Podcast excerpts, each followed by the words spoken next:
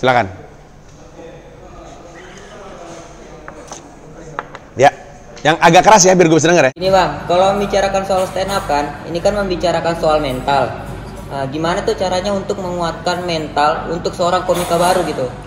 Karena biasanya kalau per- untuk pertama kali open mic itu kan biasa kalau nggak lucu langsung down aja. Jadi nggak mau coba-coba lagi. Itu gimana? Itu gimana gitu tipsnya bang? Nama lu siapa ya? Sahli, Siapa? Sahli, Sahli. Sahli. Sahli pakai S. Nah, Lu tadi baru datang. dari tadi siang sih bang. pindah ke negara pindah negara bang Iya enggak karena tadi udah dijawab. aja Ferry aja lah kalau translate Tadi pertanyaannya Ferry ya. Itu mirip pertanyaan Ferry. Jadi gini, jawaban gua ada di YouTube gua ntar lu tonton ya.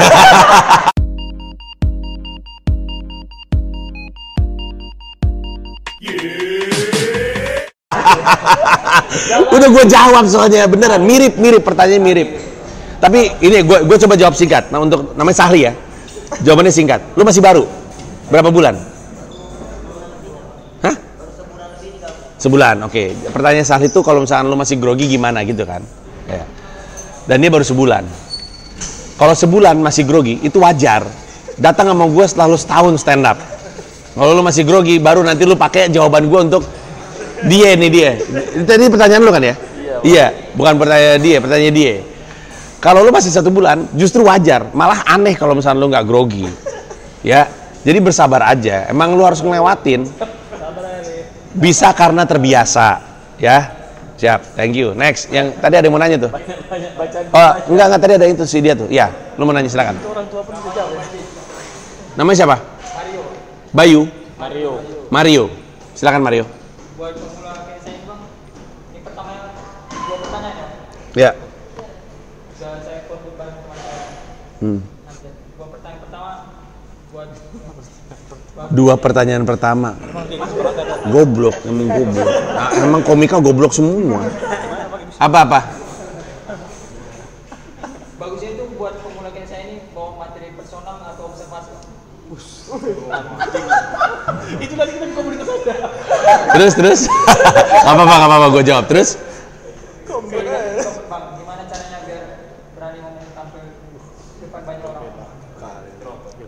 Tadi namanya siapa gue lupa? Mario, oke. Mario pertanyaannya ada dua. Yang pertama, apa? Udah lupa gue. Apa tadi yang pertama gue lupa? observasi atau Oh, kalau komika baru, eh, ini ini menarik nih pertanyaannya si goblok. Mario, Mario. Kalau pemula ngomongnya tentang diri sendiri atau observasi? Ya. Hmm,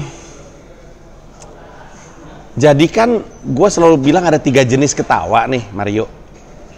Ada ngajak penonton ngetawain diri kita, ngajak penonton ngetawain orang lain, dan ngajak penonton ngetawain dirinya sendiri. Makin lama tuh makin susah. Jadi, kalau lu masih baru stand up, jangan coba-coba ngomongin aneh-aneh. Jangan coba-coba ngomongin pemerkosaan, agama, pelanggaran HAM. Kalau lu belum bisa bikin orang ketawa tentang diri lu sendiri. Jadi yang deket-deket aja. Beda kalau, beda kalau misalnya nih, ternyata lu adalah korban pele- pelecehan seksual. Beda dong, beda. Itu dekat sama lu. Karena gue sering lihat open mic, orang-orang yang ngomongin sesuatu yang sungguh menakutkan, tapi itu mereka alami sendiri. Contoh, ada orang baru stand up ngomongin soal, gue baru ngeliat nih, baru ngeliat dia stand up. Itu joke yang dia bawain adalah ngomongin soal dia tadinya mau dibunuh sama ibunya sendiri waktu dia masih dalam kandungan. Ibunya tuh mukul-mukul perutnya biar dia mati. Ngilu dong, ngilu dong. Kalau itu kejadian sama diri sendiri, masih dibenarkan untuk diomongin karena itu tentang dia. Tapi kalau misalnya dia ngomongin temen gua kemarin ya bilang bahwa dia tuh hampir dibunuh sama ibunya, kita nontonnya ya biarin dia aja yang ngomongin lu ngapain ngomongin itu gitu. Lu ngomongin lu aja dulu. Nah, pun kalau misalnya lu pernah mau dibunuh sama ibu lu sendiri adalah sesuatu yang terjadi pada lu, gue tetap menyarankan lu ngomongin yang santai-santai dulu aja. Jangan yang rumit-rumit, ya. Gue tahu banyak komika tuh gatel pengen maju ke level yang berikutnya. Dan langsung coba-coba observasi. Tapi lu mesti belajar untuk bersabar. Di era semua serba cepat, kesabaran itu adalah sesuatu yang sayangnya tidak dimiliki banyak orang. Sabar aja dulu. sabar. Mau ke mana sih lu? Nggak nggak buru-buru banget pengen masuk TV kan? Terus buat apa buru-buru masuk TV kalau ternyata nggak mateng? Zaman-zaman Metro TV masih ada tuh. Dulu kan Metro TV tuh Senin, Selasa, Rabu, Kamis, Jumat stand up mulu. Banyak banget bocah-bocah baru satu kali dua kali pecah. Dibawa ke TV nggak jadi apa-apa. Mau jadi kayak gitu? Ngapain? Jadi santai dulu aja, selalu ngomongin tentang diri lu sendiri sebelum lu observasi sesuatu di luar diri lu. Pertanyaan kedua mau gue jawab nih, siap-siap ya. Tapi saya lupa. Ah, apa tadi pertanyaannya? Oh, lu merasa diri lu introvert ya? Gimana caranya supaya lu bisa berani ngomong di depan umum? Iya.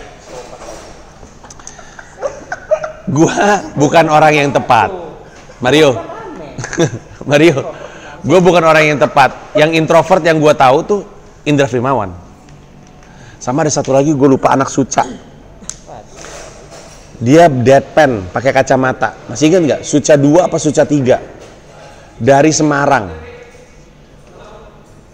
Gue lupa namanya. Dia juga introvert. Kenapa gue nggak tepat? Karena gue nggak introvert. Jadi jawaban gue ini mengawang-awang. Sebaiknya lu nanya sama yang introvert beneran. Tapi menurut gue, menurut gue, lu tipe stand up-nya kayak apa ya kalau boleh tahu? Sejauh ini, sejauh ini. Lu baru kan? Baru berapa lama?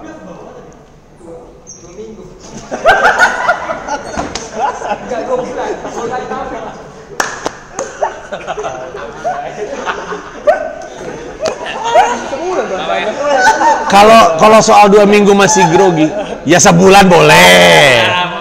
Kalau sebulan masih grogi, maka itu bukan urusan introvert. Emang belum pernah aja, belum terbiasa, iya kan?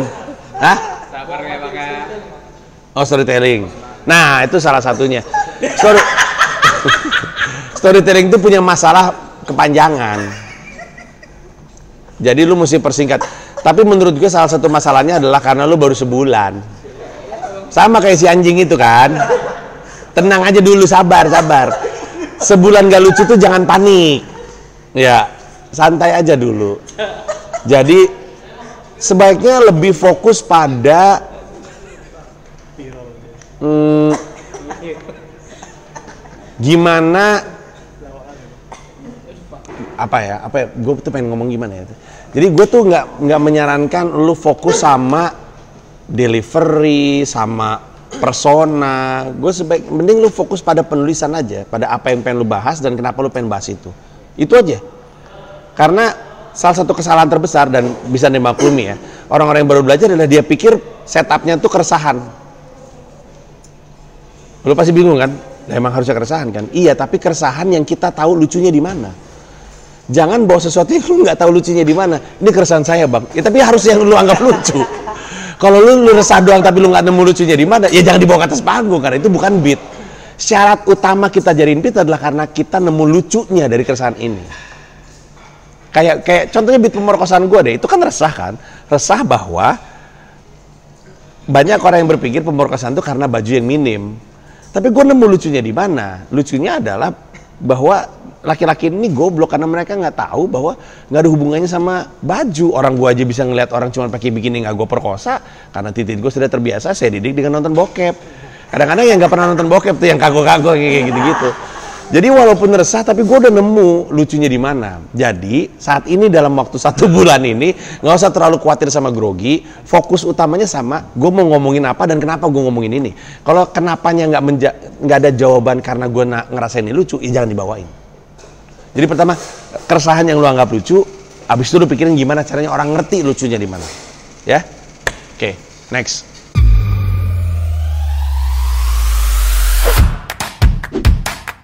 Sekali. Ibu Berak ngajak partisipasi Gua pernah. Siapa yang Ini Widodo. Gua isap kakak lu goblok.